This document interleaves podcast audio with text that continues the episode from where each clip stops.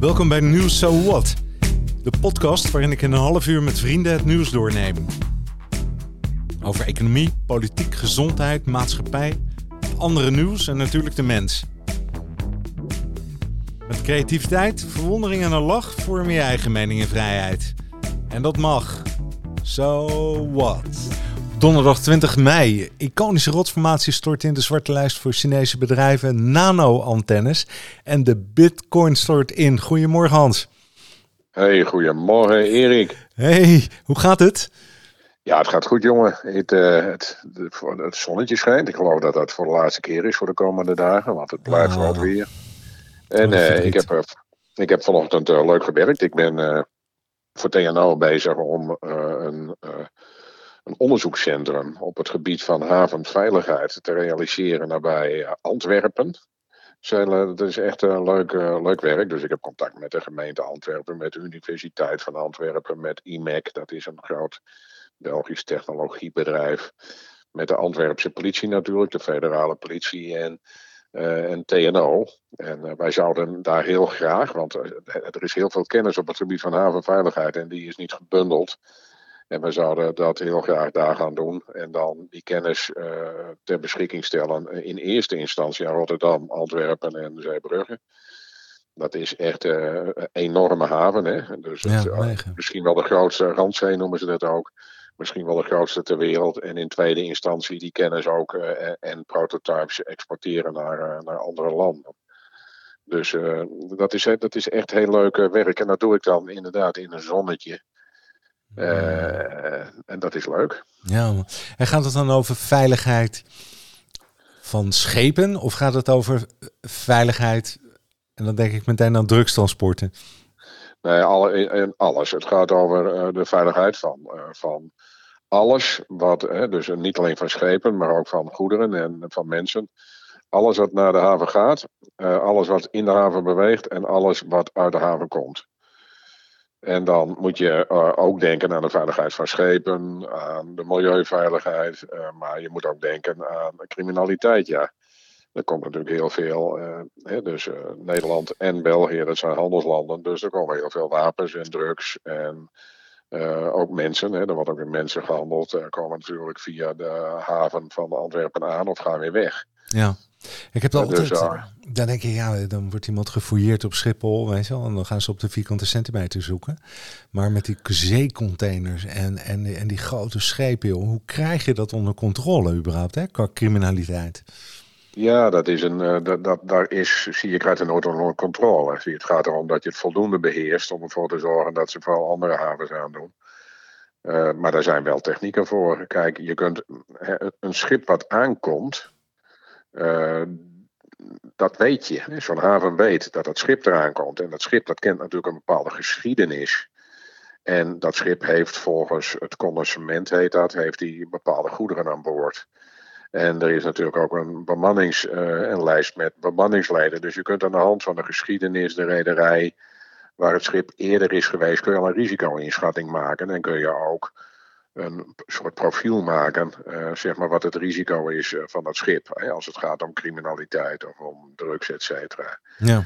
Er zijn natuurlijk allerlei moderne, hè, dus behalve de honden en uh, snuffelratten, en zijn er allerlei moderne technieken waarmee kunt kijken of het gewicht in overeenstemming is met wat er op het connoissement staat hè, van zo'n container. Oh, ja, ja, ja. En je kunt ze ook scannen, hè, je kunt ze doorlichten, uh, niet allemaal, maar dat kun je dan doen met de containers op de meest risicovolle schepen. Nee, er is heel veel op dat gebied uh, te doen. Dat geldt ook voor het wegtransport. Ja. je kunt tegenwoordig, die auto's die zijn zo duur. Hè? Even een truck kost 2,5 ton. Dus je kunt precies zien waar die trucks zijn en uh, hoe ze rijden en of ze afwijken van hun route. Hè? Dus, uh, dus stel dat het een vrachtauto met uh, blikjes vrucht en, naar Nice moet, maar die stopt altijd in een bepaalde wijk in de banlieue rondom Parijs wat vreemd is, uh, dan, uh, dan, dan kun je daar een keer een controle op doen. Hè? Ja, dus dit ja, soort dingen is natuurlijk heel goed mogelijk. Mooi, mooi, mooi. Heb je ook bitcoins trouwens, Hans? Nee, ik heb geen bitcoins. Ik heb er wel aan gedacht om dat te doen. Maar ik uh, heb zelf steeds gedacht, ja, het is zo volatiel, die koers.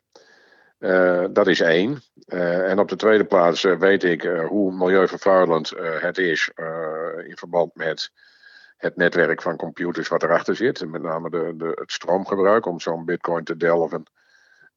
dat is enorm. dat heeft mij daarvan weerhouden. Maar ik heb er wel zeker tien keer aan gedacht. Ach ja. Ook, Iedereen, nu die laag staat, ook nu die laag staat, denk ik wel eens, ja, moet ik er niet op, uh, moet ik er niet op inschrijven. Het is bijna de helft nu, hè? Van de waarde. Ja, ja ik weet het. Ja, maar het is natuurlijk nog veel meer als dat het ooit waard was. Een vriendin van mij, die had een keer voor een ton aan bitcoins gekocht. En uh, die, uh, die liep er even lekker mee binnen. Zo, jongen. Maar dan, pra dan praat ik dus over de bitcoin vijf jaar geleden. Maar toen was het werkelijk... Uh, duizend euro, weet je wel. Ja, zoiets. Was een bitcoin kostte duizend, uh, die later 60.000 werd. Ja. En dat zijn toch wel uh, de klappers. Ja. Ehm, zie, er is, er is wel iets op tegen, hè. en dat is met name de enorme energiebehoefte die er is om die dingen te delven. Ja. En er staan hele serverfarms staan, staan te, te, te razen. Uh, en, maar goed. Uh, Slecht hè? Weet je wat me Ja, nou zie, opviel? mensen, mensen die verleden week zijn ingestapt, ja, die hebben even geen mazzel. Maar voor hetzelfde geld staat hij over drie maanden weer hoog. Ja. Weet je wat ik nou zo mooi vond uh, van uh, Elon Musk? Eerste plaats dat hij uh, zelf die bitcoins kocht, hè? of althans met Tesla, met zijn bedrijf, 43.000 ja. bitcoins. Dat, is, dat doet hij als eerste. Vervolgens komt hij erachter uh, al uh, hardop denkend. Nou, dat geloof ik bijna niet, maar vooruit. Hè? Maar al hardop denkend. Nou, dat kost wel heel veel energie en het is niet zo milieuvriendelijk. Hè? Terwijl ik met mijn Tesla probeer uh, het milieu te sparen. Ja. Althans, als je de batterij allemaal niet meerekent, geloof ik. Maar in ieder geval, het rijdt goed en het is in ieder geval goed voor de lucht. Um, en dan ook zegt, nou ja, ik vind dat eigenlijk geen goed idee. En dan vervolgens ook weer stopt ermee. Weet je, dat, dat, ja. dat is ook volatiel. Hè? nee, dat is van hem ook uh, volatiel. Zie je, als hij hardop denkt, dan denken allerlei mensen met hem mee. En die laten hun investeringsgedrag daarmee samenhangen. Uh, hè, dat is, uh, het is wel een bijzondere, het is natuurlijk een bijzondere vent en uh, unieke geest. Ehm, met een enorme invloed, een te grote invloed. En de Tesla-aandelen die staan net als uh, de Bitcoin wel heel erg hoog. Wat ik daarmee bedoel is, uh, de Tesla-aandelen bevatten wel veel lucht. Ja. ja dus net, als, net als de Bitcoin mede door hem veel lucht bevatten. Ja, het is allemaal lucht volgens mij. Ja, kijk, uh, ik, ik ben niet een, ik ben een belegger. Ik ben geen speculant. En dit is meestal is dat speculanten.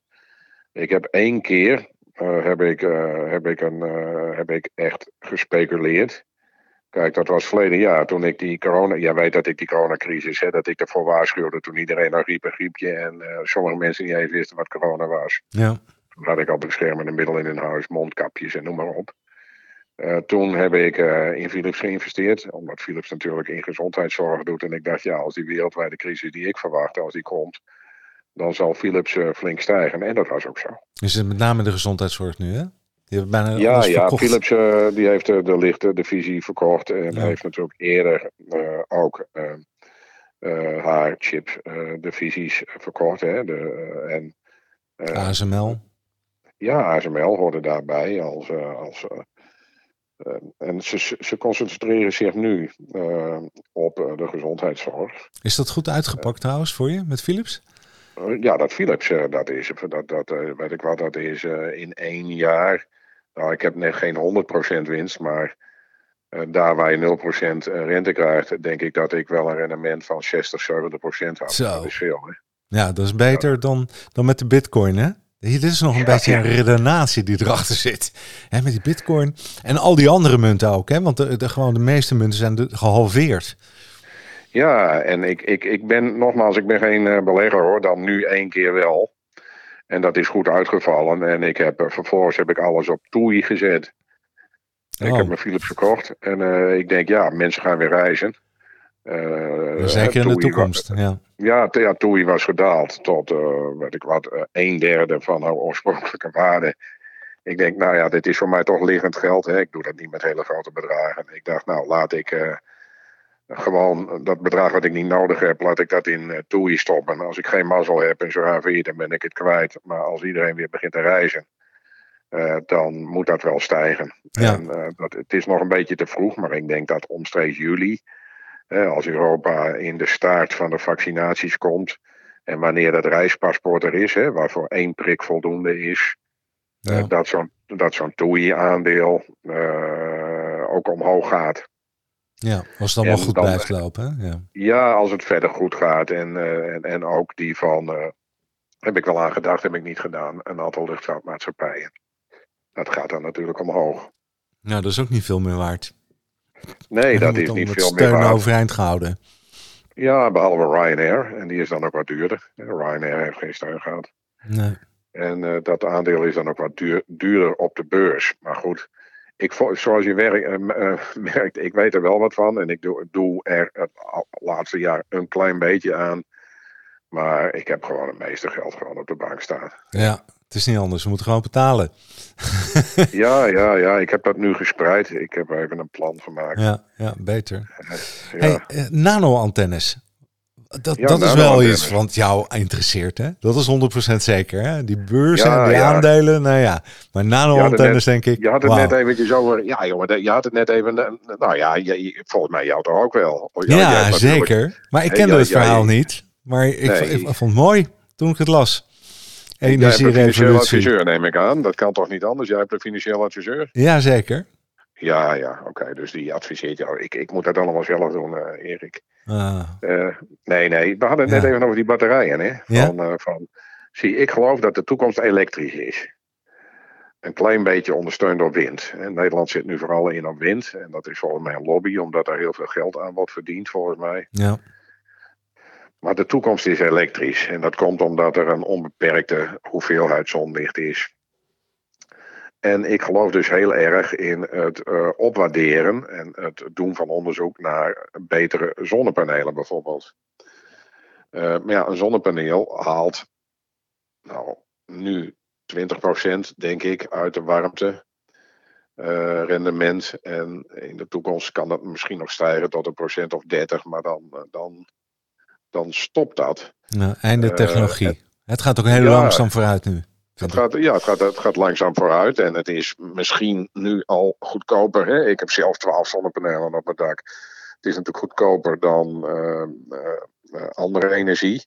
En je krijgt in Nederland gelukkig ook nog eh, terug van de energiemaatschappij van wat je. eh, ehm, hè, dus wat je betaalt, krijg je terug. Dat wil Ja. men in de toekomst veranderen. Maar ik geloof dat de toekomst elektrisch is. En dat je dus in, in de wetenschappelijke wereld zie je daar ook veel onderzoek naar. Hè. Je ziet dus nu heb je die Nederlandse auto die bedekt is met zonnecellen. Dat is één ontwikkeling. En die kan dus geheel los van het net blijven rijden. Ja, Eh, een andere ontwikkeling is, ook in Nederland, hè, dat eh, DSM en AXO en zo, en ook TNO werkt er wel aan mee, die doen onderzoek aan eh, autolak, of überhaupt lak, kan natuurlijk ook op huizen, eh, die eh, als zonnecel functioneert. ja, Heb je gewoon een gespoten auto en die wekt energie op. ja. Eh, er wordt eh, ook weer door TNO onderzoek gedaan naar ramen. Er is natuurlijk heel veel eh, oppervlakte van ramen. eh, waar de zon doorschijnt naar binnen en waardoor je gewoon naar buiten kunt kijken. Die functioneren als zonnepaneel. En dat wekt dan eh, energie op. Nou, zo, eh, zo las ik ook weer eh, deze ontwikkeling. Dit is de nanotechnologie voor mensen die dat niet weten. Eh, dat is de, het verkrijgen van kennis en het maken van toepassingen uit het heel kleine. En dan bedoel ik niet Ja. een millimeter, maar echt een nanometer. En zeg maar een duizendste haardikte. Ja. En daar kan men dan tegenwoordig kan men er machinetjes uit maken. En, eh, eh, eh, maar zo heeft men nu ook iets ontwikkeld wat uit warmte energie kan halen. Ja. En dat is heel belangrijk. Want als je dit zeg maar op grotere schaal toepasbaar maakt, dan kun je veel effectiever, tot veel hoger dan de 30% bij zonnepanelen, kun je rendement halen uit zonnewarmte of andere warmte. Ja. Elektromagnetische straling, hè? Daar gaat het over. Ja, ja, ja daar gaat die het omzetten naar energie. Ja, en ik, en ik dacht, ja, laat ik je dat toesturen. Omdat ik zelf denk, hè, uh, en dat heb ik natuurlijk geleerd. Ik, je weet dat ik op Singularity University ben geweest. Dat is een universiteit in Amerika op het gebied van innovatie. Ja. Die ja, toen kom je terug met die zelfrijdende auto. dat verhaal, ja, ja, joh. Ja, joh. Voor de eerste keer bij Google of zo was dat, of niet? Geweldig, was dat? Ja, geweldig.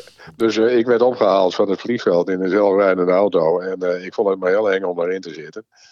En die, die reed mij naar um, uh, de Singularity University. Die is gevestigd op de NASA-basis bij Palo Alto. Dat is in Silicon Valley, bij San Francisco.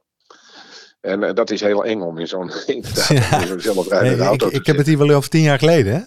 Denk ja, ik. Hoeveel ja, lang al tien jaar geleden. Ja, ja, ja, zeker.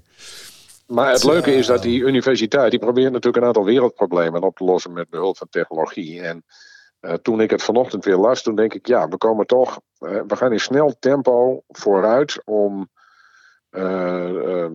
om te komen tot het gebruik van de zon als permanente energiebron en daarmee het wegnemen van de vervuiling door, zeg maar, Shell. Ja.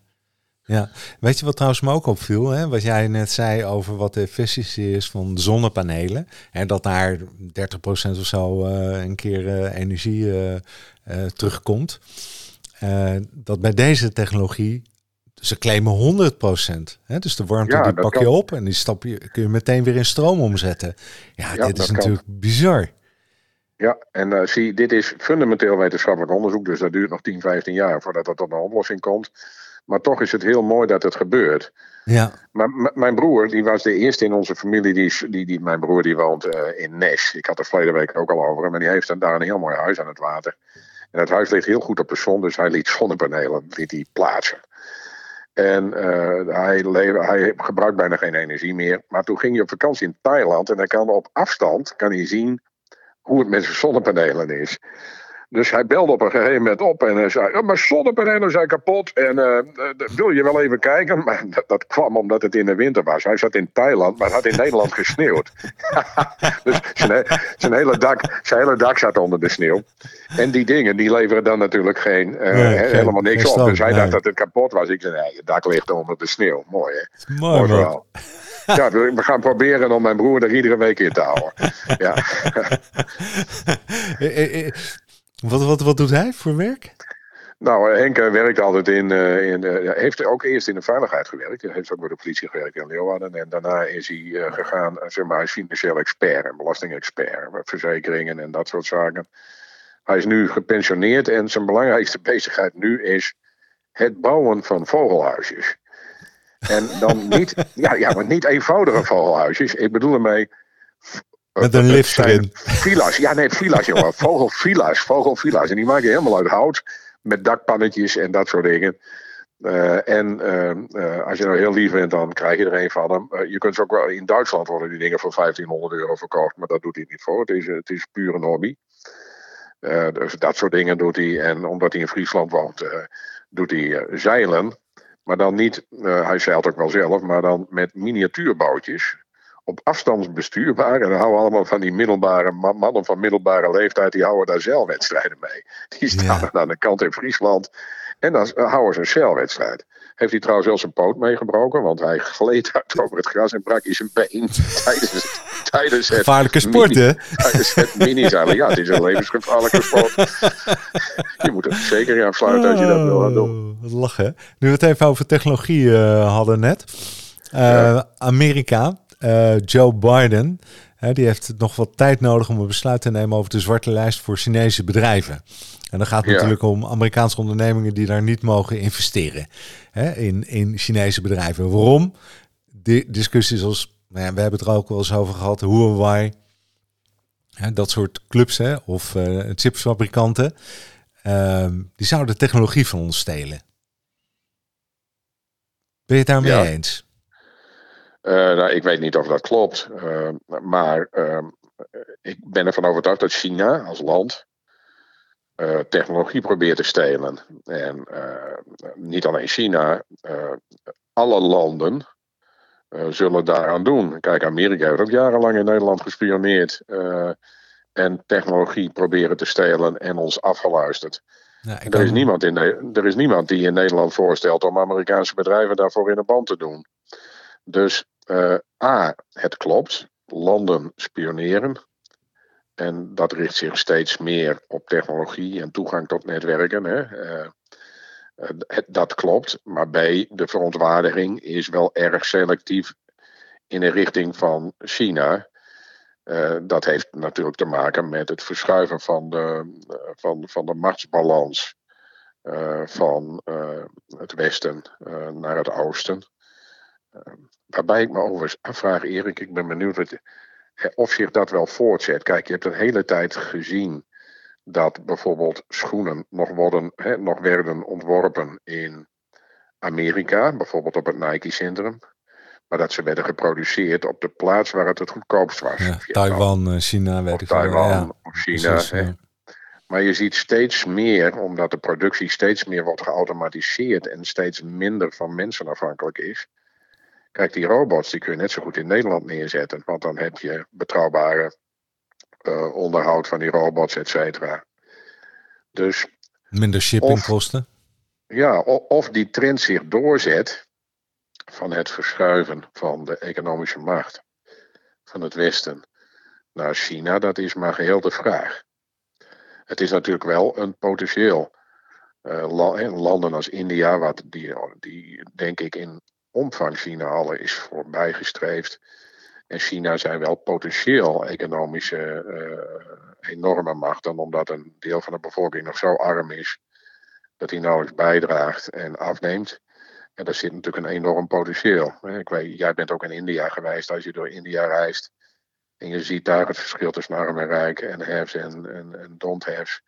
Kijk, als die mensen, uh, en wat de familie Tata, die wou een keer een autootje hebben voor alle mensen mm. uit India. Ik geloof een autootje van 3000 uh, ja, ja, net zoals een Volkswagen. Ja, ja, het idee van een Volkswagen als dat zou gebeuren en als ze in plaats van op een brommetje en op een fiets en uh, allemaal in zo'n autootje gaan zitten, ja, dat is niet goed voor het milieu. Maar ze dragen daar wel, uh, dan, hè, je moet je voorstellen wat. Maar goed, de vraag is dus. Het gebeurt overal. Wel, zet zich dit wel door? Hè? Dat is, ja. uh, en de, de, de, de, de spionage vindt overal plaats. Ja, dus en het is selectieve verontwaardiging. De, de, ja, de, de verontwaardiging vind ik uh, selectief. Maar noem eens, ik, ik kan, ik, ik zit gaaf in mijn geheugen, maar ik kan me maar één keer herinneren, actief, dat, actief herinnering, ik lijk Rutte wel, maar uh, en dat wij ook te maken hebben gehad met spionage. Dat was toen met die, die kerncentrale, weet je nog, die met die geleerden die ja, meneer Kaan. Uh, of zo was ja, dat, meneer, nou, ja, Almelo was het. Of en, Almelo, uh, ja. ECN, die, dat, ja. Dat was in Pakistan. Hij heette volgens mij Kaan. En die is met atoomgeheimen is die weggegaan naar uh, Pakistan. En die heeft daar bijgedragen. Hij is beroemd, hij wordt geëerd. Hij heeft daar bijgedragen aan het ontwikkelen van de Pakistaanse atoombom. Ja.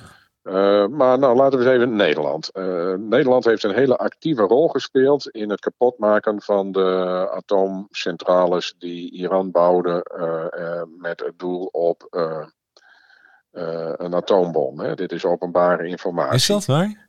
Ja, dat is echt waar. Zoek maar op op internet. De rol van Nederland in het saboteren van de Iraanse atoomcentrales. Nederland speelde daar een speelrol in. Uh, uh, dus Nederland doet het zelf natuurlijk ook. Grappig, hè? Al het e-mailverkeer. Ja, maar dat is sabotage, uh, maar dat is natuurlijk ja, niet kennis stelen. Nou ja, dit was sabotage, maar dit is een voorbeeld dat Nederland wel degelijk, hè, dus dat de Nederlandse veiligheidsdiensten wel degelijk actief zijn. En die zijn denk ik niet alleen militair actief, maar vast ook economisch. Ja. Kijk, eh, destijds werd zo'n beetje al ons e-mailverkeer en misschien ook wel ons telefoonverkeer werd eh, gemonitord door Amerika. En daar zijn we achter gekomen. Ja, ik heb geen enkele sanctie heb ik gehoord. Niks. Ja. Hè, dat is. Uh, en dat is vast, is vast, met medewerking van de grote Microsofts en de Googles en zo uh, gebeurd. Dus, ja. uh, hè, dus Israël is natuurlijk erg actief. En de Nederlandse inlichtingendienst is natuurlijk niet zo slecht. Hè? Dus dat wij die mensen die bij het atoomagentschap in Den Haag uh, de rotzooi kwamen kapotmaken, dat die mensen op Schiphol werden opgewacht, werden gevolgd en gearresteerd. En alles wat gefilmd was, zeg maar anderhalf jaar geleden, zie dat zijn wel staaltjes van. Uh, ja. Zeg maar goed, spio goed spionnenwerk. Ja, maar denk je ook bij TNO dat dat zou kunnen spelen? Lopen er mensen rond die die... Bij TNO, ja, ook bij TNO.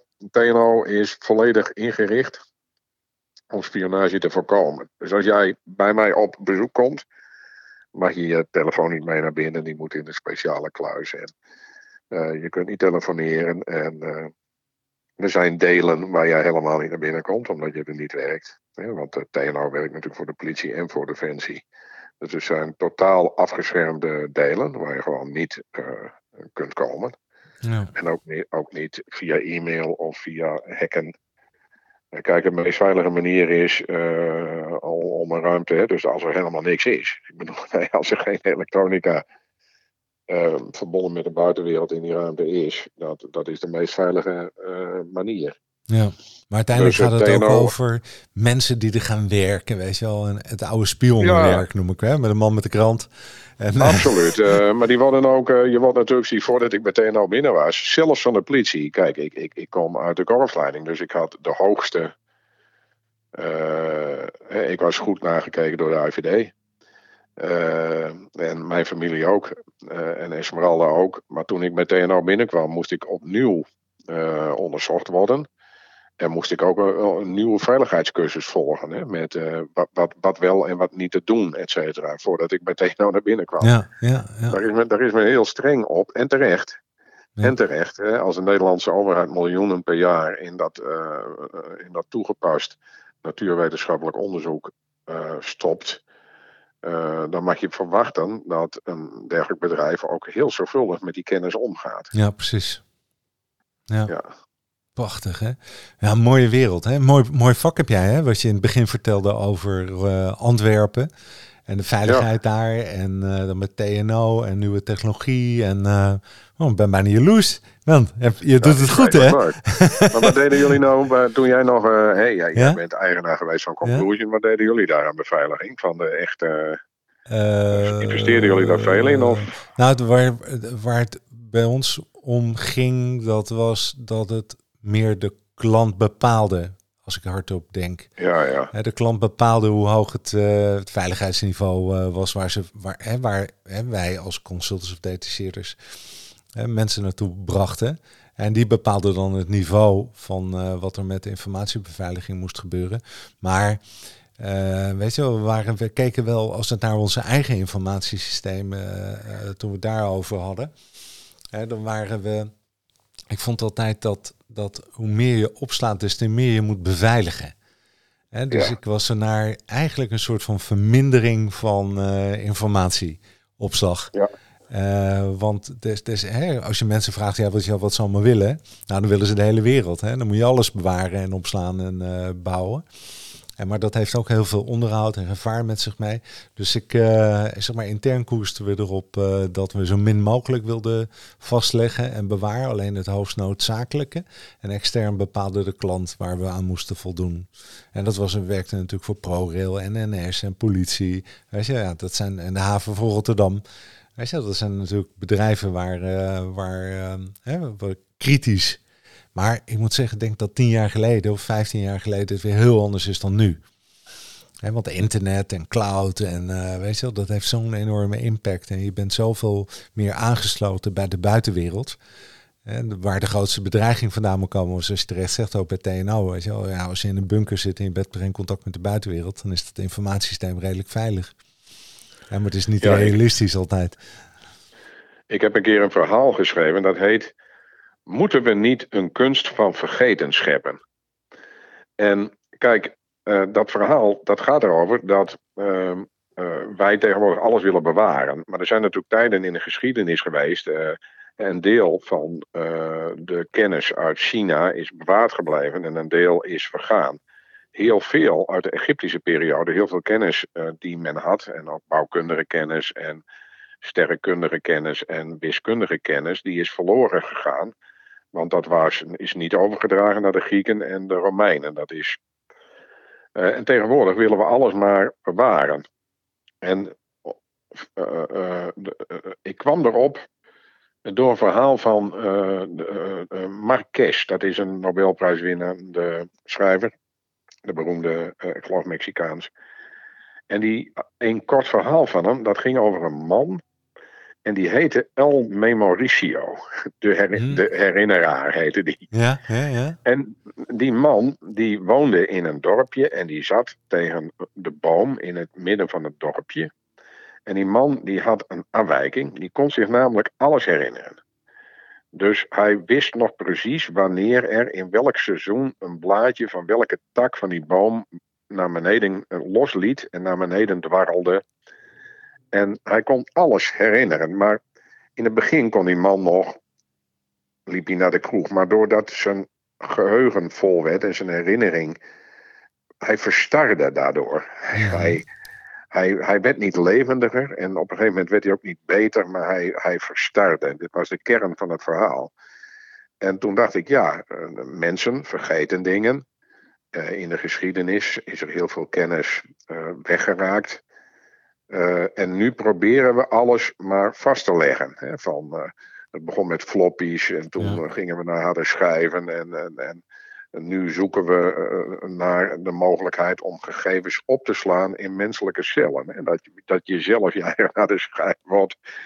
Ja. in, in, een, in een poging om alles maar vast te houden. Dus vandaar dat ik toen een stuk schreef over uh, met een aantal vrienden over moeten we niet een nieuwe kunst van vergeten scheppen. Want vergeten is een onwillekeurig proces, net als ademen. Uh, nou ja, dat is. Ik ja. weet niet precies. Nou, weet je wat ik, het, wat ik er ook mooi aan vind? Uh, dat. Um, je kunt je zorgen maken over de toekomst. En vooruitkijken en noem maar op. Hè? En, en jij hebt, we hebben het nu even over de last van het verleden wat je altijd een beetje mee torst. Hè, die rugzak die wordt steeds groter.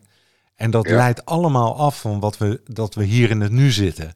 Hè, dat wij hier een gaaf gesprek hebben met elkaar. En dat, we, dat ik leuke dingen hoor. Uh, even interessante zaken die je vertelt en noem maar op. Hè. Zonder dat ik... Hè, uh, ik, oh, er zit een soort onbevangenheid gaat er dan ontstaan. En dan krijg je natuurlijk ook eh, gesprekken die veel levendiger zijn dan alleen maar op feiten gebaseerd. Hè? Want verleden is feiten of het zijn allemaal conditioneringen die je meekrijgt. En als je meer in het nu, zoals we nu praten, ja, dat is fantastisch. En, en als je iets niet weet, is ook niet erg. Weet je wel, ja, dan zeggen we toch, Hans, we zijn oud genoeg geworden. Dan zeggen we, ja, ik weet het even niet meer. Hè? Ja. Nee, dat klopt. Maar toch dat we zo'n, uh, eventjes, we zitten net te praten en dan komt zo'n naam van die Kaan, die Pakistan, die komt voorbij. Ja. Dus ergens in ons geheugen in, in, in, is opgeslagen bij mij, een mental mind map noemen ze dat, waarin ik die naam Kaan as, uh, geassocieerd, uh, het, het soort foto van, hey, er is uh, uit die ultracentrifugefabriek is informatie meegenomen door iemand naar Pakistan. Die is daar nationale held geworden en die heet Kaan. Ik bedoel, dit is toch een raar feit. Waarom weet ik dat nou? Ja. Dat, dat, is, toch een beetje, dat is toch een beetje raar. Ja, ik weet het omdat ik er een, uh, een, een, boek over gelezen heb toen der tijd. En um, waar we het net over hadden, over spionage. En, um, en Amerika en landen, noem maar op. Hè. Dat, dat, dat boek dat, dat speculeerde over dat die Amerikanen bewust uh, informatie hebben via uh, eh, UCN was dat inderdaad, geloof ik, hè? Of niet? Ja, ECN, UCN, ja, UCN, ja zoiets. Hebben laten lekken dat, dat naar Pakistan om een, om een beter machtsevenwicht te krijgen tussen India en Pakistan bijvoorbeeld, hè? Want India is wel een atoommacht. Weet je wel, zo. Uh, kijk, wij, wij, wij oordelen erover, maar wat er, wat er achter zit en welke spellen er gespeeld worden ik vond dat toen een heel indrukwekkend verhaal. Ik denk, nou ja, misschien zou dat ook nog wel zo kunnen zijn in die geopolitiek. dat het een soort geanceneerde diefstal is geweest. En uh, dat, dat dat wat Amerika heel goed uit zou kunnen komen. Ik vind dat, dat vind ik boeiend. Ik denk, ja, ja mooi, hè? we hebben een oordeel ergens over. Hè? Uh, maar hè, misschien maar, hebben we het maar, wel helemaal maar fout. enorm, ons geheugen. Hè? Dus dit, dit weten we. En we weten de tekst van Dikketje Dap op de trap. Hè? Even iets uit onze jeugd. All, allerlei. Uh, de een weet, hè? dus jij hebt ook boeken gelezen die je bent vergeten. Hè? Dus het is een heel, het herinneren is een heel uh, onwillekeurig proces. Ja. Douwe, Dra Douwe Drijsma, dat is een hoogleraar uit Groningen, die heeft allerlei boeken geschreven over menselijke hersenen. Heel anders als Swaap, hè? andere boeken. Dus bijvoorbeeld, die, die schrijft een boek onder de titel, die kreeg de Eureka-prijs, dat is de wetenschapsprijs. Die schrijft dan een boek onder de titel Waarom het leven sneller lijkt te gaan wanneer je ouder wordt. En dan beschrijft hij in zo'n boek hoe dat komt dat het leven sneller lijkt te gaan wanneer je ouder wordt dan wanneer je jong bent. Ja. dat is. Minder tijd uh, over. Ja, ook dat. Maar ook, um, zie, als jij, hij beschrijft, uh, als je nou één keer op een zonnige dag met een bloedmooie vrouw bent wezen zeilen op het Pikmeer in Grauw. Ooit, één keer. Hè? Dan zegt hij, dan is die mental mind map, die dia die in je hersenen wordt opgeslagen, die is vermoedelijk heel scherp en helder. Want uh, je weet nog wie het was, want je bent er maar één keer geweest. Hm. En je weet nog hoe ze eruit zagen. En je weet nog het weer. En je weet nog de type boot. En allerlei dingen weet je dan nog.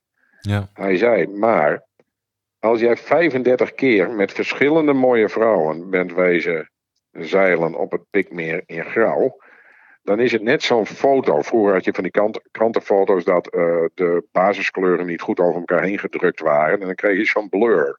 Ja. He, dan weet je niet meer precies wat ze aan hadden, wie nou welke bikini aan had. Dan, dan wordt die. Dan, he, dus dan ken je het Pikmeer beter, maar dan worden de details van. Uh, het meisje en de soort bikini die ze aan had, die worden, uh, die worden vager. En dit soort dingen beschrijft hij, hoe dat nou zit. Ja, mooi, boeiend. Uh, ja, heel mooi. Ja. ja Draaisma. Ja, Douwe Draaisma. Die heeft, uh, Gaan we eens ik geloof wel, wel drie keer heeft hij de Eureka-prijs voor het beste toegankelijke wetenschappelijke boek van Nederland gewonnen. Zoek maar eens op. Heeft hmm. hele, je, leest, je begint in het boekje te lezen en je stopt niet meer. Je leest dat in één keer uit. Hij heeft bijvoorbeeld om de vijf pagina's, dat is ook heel mooi. Hij heeft om de vijf pagina's heeft hij een foto in dit boek. Uh, God, dat ik dit allemaal nog weet. Maar heeft hij een foto opgenomen van een Joods gezin. En dat is altijd een kerstfoto. Dus die mensen die maken altijd een foto van hun gezin met kerst. Dan zie je dus hun huis. En dan zie je de kerst in 1920, 21, 22 en dat loopt zomaar door. Het is in, het is in Duitsland. En dan uh, zie je uh, eerst dat ze er samen op staan en dan met hun kinderen. En dan op een gegeven moment, dan zie je plotseling een foto waarin ze ouder lijken te worden, die mensen. Niet gewoon een jaar ouder, maar veel ouder. Is hun kind overleden. Dus Tja. Douwe Draaisma zegt, iedereen wordt oud. Hè? Iedereen wordt steeds ouder. Maar als je lichamelijk gaat kijken. Hè, dus je, in 1933 was de kristalnacht, het waren Joden. En dan zie je die mensen zichtbaar ouder worden. Dus de gebeurtenissen in hun leven. Uh, kun je terugzien op die foto's. Dat is, uh, dat, is heel bijzonder. Snap je? Dus als je die fotoreeks ziet, omdat ze die jarenlang gemaakt hebben, dan, dan zie je precies is er nou, waren ze supergelukkig of hadden ze een last te dragen? Ja. Dat, is, dat staat ook in dat boekje. Goh, dan zitten we zomaar over het oude huis maar te praten. Ik ga hem eens opzoeken. Ik weet zeker dat ik hem kan vinden bij Bol, of niet? Ja, ja, zeker, ja dat denk ik wel. Heb anders even de titel als je wilt nog. Uh, nou, de, de, de Douwe Druisma. Ja? Hij, uh, toen hij deze boeken schreef, was hij denk ik hoofd, uh, wetenschappelijk hoofdmedewerker. Maar ik denk dat hij nu hoogleraar is in Groningen. En dit, dit boek, dit ene specifieke boek, ik heb er meer van hem, maar het heet Waarom het leven sneller lijkt te gaan Oh, ja, wanneer, je, wanneer je ouder wordt. Het is een wat langer titel. Ja, nee, ik dacht dan dat is geen titel, maar ja, ja, ja, het, is wel, de titel. Het is, het is wel de titel. Ja. En uh, je kunt het ook wel vinden bij Eureka wetenschapsprijzen. Ongeveer okay. een jaar, jaar of tien, jaar geleden. Ik ga hem zoeken. Het laatste onderwerp, de Galapagos-eilanden. Daar stort iets in. Hè? En ik denk dan meteen, da- daarom zet ik het eh, op de lijst hier om met jou te bespreken. Ik denk, oh zie je wel, dat is klimaatverandering. En dan lees ik het artikel en dan staat het, weet je wel, dat het helemaal niets te maken heeft gehad met de klimaatveranderingen. Nee, je die- bijzonder? het was erosie, hè? Het Dit was eh, gewoon erosie. Het was gewoon erosie door het water. En het, het deed mij heel erg herinneren aan een reis die ik ooit maakte naar eh, Aruba. Eh, dus, nou, Aruba kent niet zoveel natuurschoon. Eh, alhoewel ik hun noordkust eigenlijk best mooi vind. Dat is een soort, eh, een soort eh, park met allerlei cactussen erin en zo. Maar goed, ze hadden daar de Natural Bay, dat hebben ze nog steeds. Dat, is- dat, dat is een soort uitholling in de rotsen. En daar komt steeds schoon water in en ook visjes. En als je daarin gaat, dan ga je liggen en dan eten die visjes je rug schoon. Maar ze hadden, ze hadden daar ook een arch, een Ja. boog. Hetzelfde als hier. gaan ja. Ja, deze was helemaal beroemd hè, vanwege Charles Darwin. Hè? Die is daar geweest Ja, nee, en eh, dat- die heeft die hele evolutietheorie daarmee eh, hè, gebruikt. Ja, of, ik eh, ingebruikt. hè. Daarom, daarom is het natuurlijk nieuws. Hè? Maar ja, maak je Maar verhaal die- af, sorry. die- Deze, dan, deze stort ook in. Dus die hebben, ze hebben nu alleen nog Natural Bay. Die hele, die hele natuurlijke boog op Curaçao. Dat was op een gegeven moment ook afgelopen. Want die zee die slaat er zo vaak tegenaan. En dan was hij weg. en het deed me ook wel denken aan Australië. Bij Australië heb je de apostels. En eh, ik weet niet hoeveel het er nu zijn. Maar eh, ik dacht dat er twaalf apostels. Dat zijn ook eh Ja, ja. rotsformaties in zee. En dat, worden er ook steeds minder. Steeds minder. Steeds Ja. minder apostels. dat van de, zo, de zoveel negentjes krijg je dan, hè? dat verhaal. Ja, ja, ja, ja, Agatha Christie. Het Ja, worden er mooi, steeds hè? minder. Mooi hè? En, eh, eh, ja, dat is trouwens eh, eh, wel aan te raden. Mensen die in Australië komen om die apostels eh, die er nog staan te bekijken. Dat zijn prachtige Dat ga stranden. ik zeker doen. Ik ben nooit in Australië geweest. Dus Ah, ehm, doen, ja. volgens mij, ja, ik hoor alleen maar goede verhalen erover. Hè? Maar Ja, ja, het is een su- super eh, fijn land. ja, mooi hè, mooi. Oké, we zijn aan het einde gekomen Hans. Ik wens we jou een hele mooie... verder, eh, vriend. Ja, we gaan de volgende keer verder. Een heel mooi weekend voor eh, over een dagje. En eh, succes met Antwerpen. Ja, hè? Hoi, hoi. ook. Hoi. Dag.